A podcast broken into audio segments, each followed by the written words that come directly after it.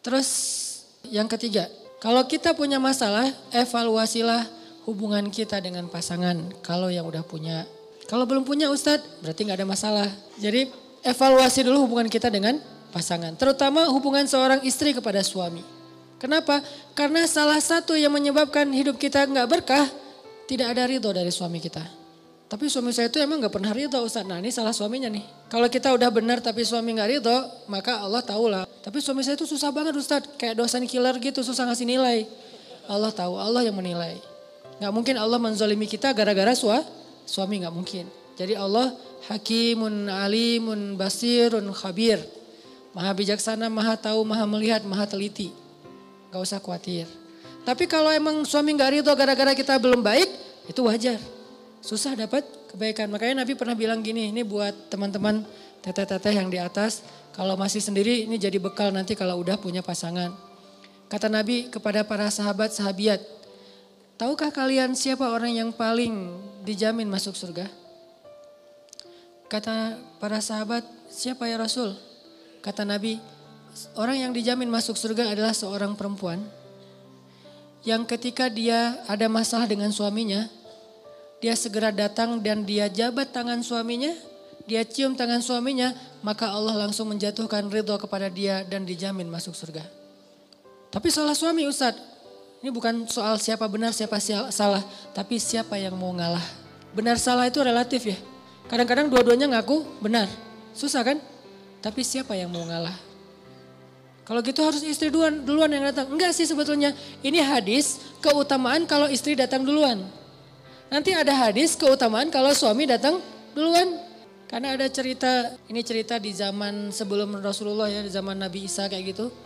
Ada seorang ulama datang ke rumah temennya. Temennya ini orang soleh, datang ke rumah temennya, ngetuk pintu yang buka istrinya, ditanya ada fulan, kata istrinya gak ada, gak tahu juga ke mana tuh orang. Istrinya marah-marah.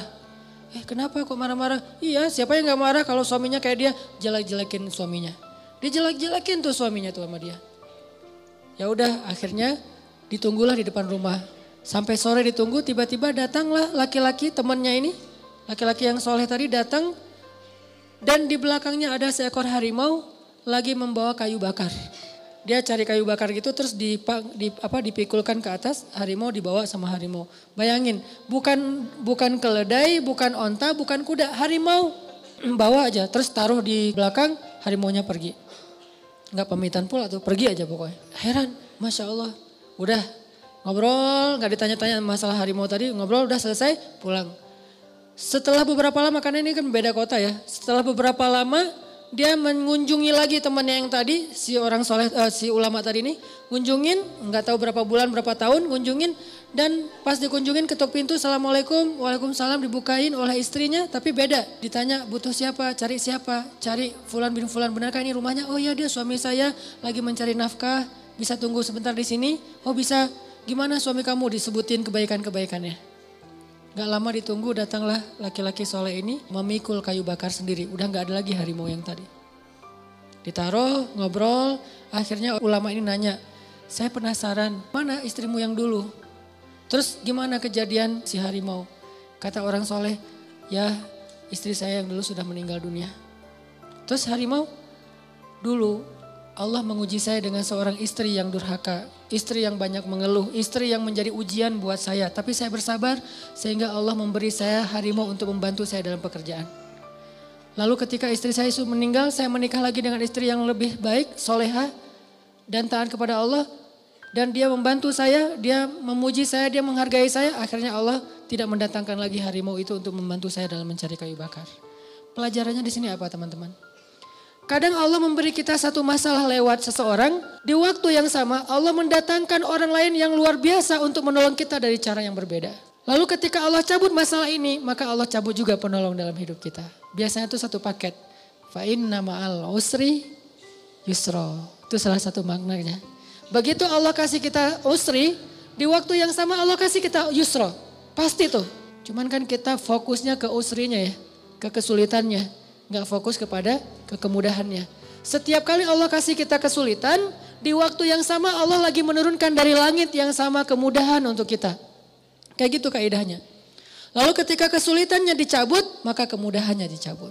Pelajaran yang berhubungan dengan pasangan tadi adalah kadang ketika seorang suami menyadari tentang keutamaan memaafkan istrinya, datang memeluk istrinya, me, mengapa, membujuk istrinya, walaupun dia ngerasa bahwa harusnya istri yang datang ke saya, tapi kok saya yang datang ke dia, maka berarti dia melakukan sesuatu yang lebih utama daripada yang harus dia lakukan. Dalam Islam itu ada amal yang harus dilakukan, ada amal yang sunnah dilakukan ya. Ada yang wajib, ada yang sunnah. Yang sunnah ini nggak harus, tapi pahalanya luar biasa. Atau ada yang harus dilakukan, ada yang nggak harus dilakukan tapi dilakukan, maka dia mendapatkan pahala yang luar biasa. Contoh, perempuan kalau mencari nafkah lebih besar pahalanya daripada laki-laki. Dalam kondisi suaminya tidak mencukupi nafkahnya.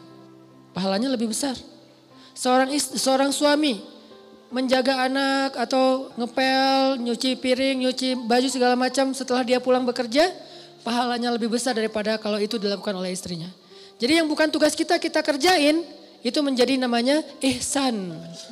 Bukan cuma amal soleh tapi ih, ihsan. Dan ihsan itu di atas amal-amal soleh yang lainnya. Apa itu ihsan? Sesuatu yang tidak perlu kita lakukan bukan bagian kita tapi kita lakukan. Itu luar biasa pahalanya. Termasuk seorang istri misalnya tadi mencari nafkah untuk anak-anaknya karena suaminya nih nggak pandai mencari nafkah atau emang nggak bertanggung jawab dalam mencari nafkah. Maka ibu ini pahalanya double daripada yang dilakukan oleh suami.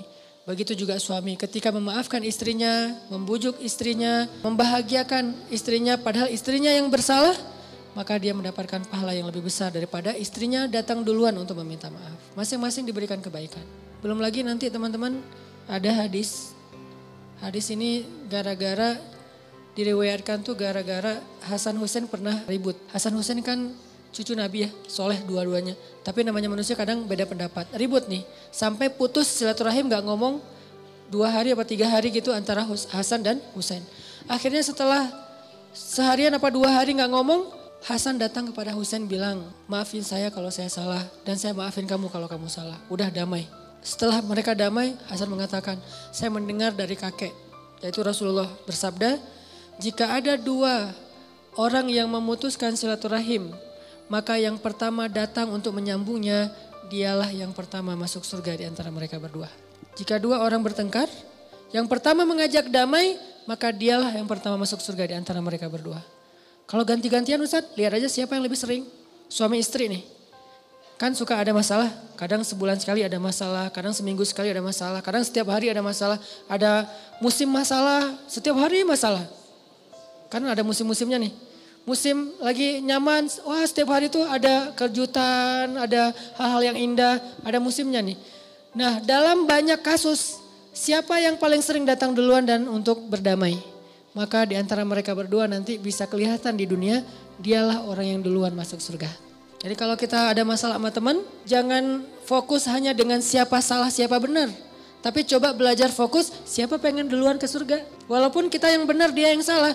Yang penting kan kita pengen duluan masuk surga. Caranya ya udah datangi, sambung silaturahim, ajak damai dengan memaafkan kalau emang dia yang salah. Tapi biasanya dua-duanya salah sih. Walaupun pemicunya salah satunya ya.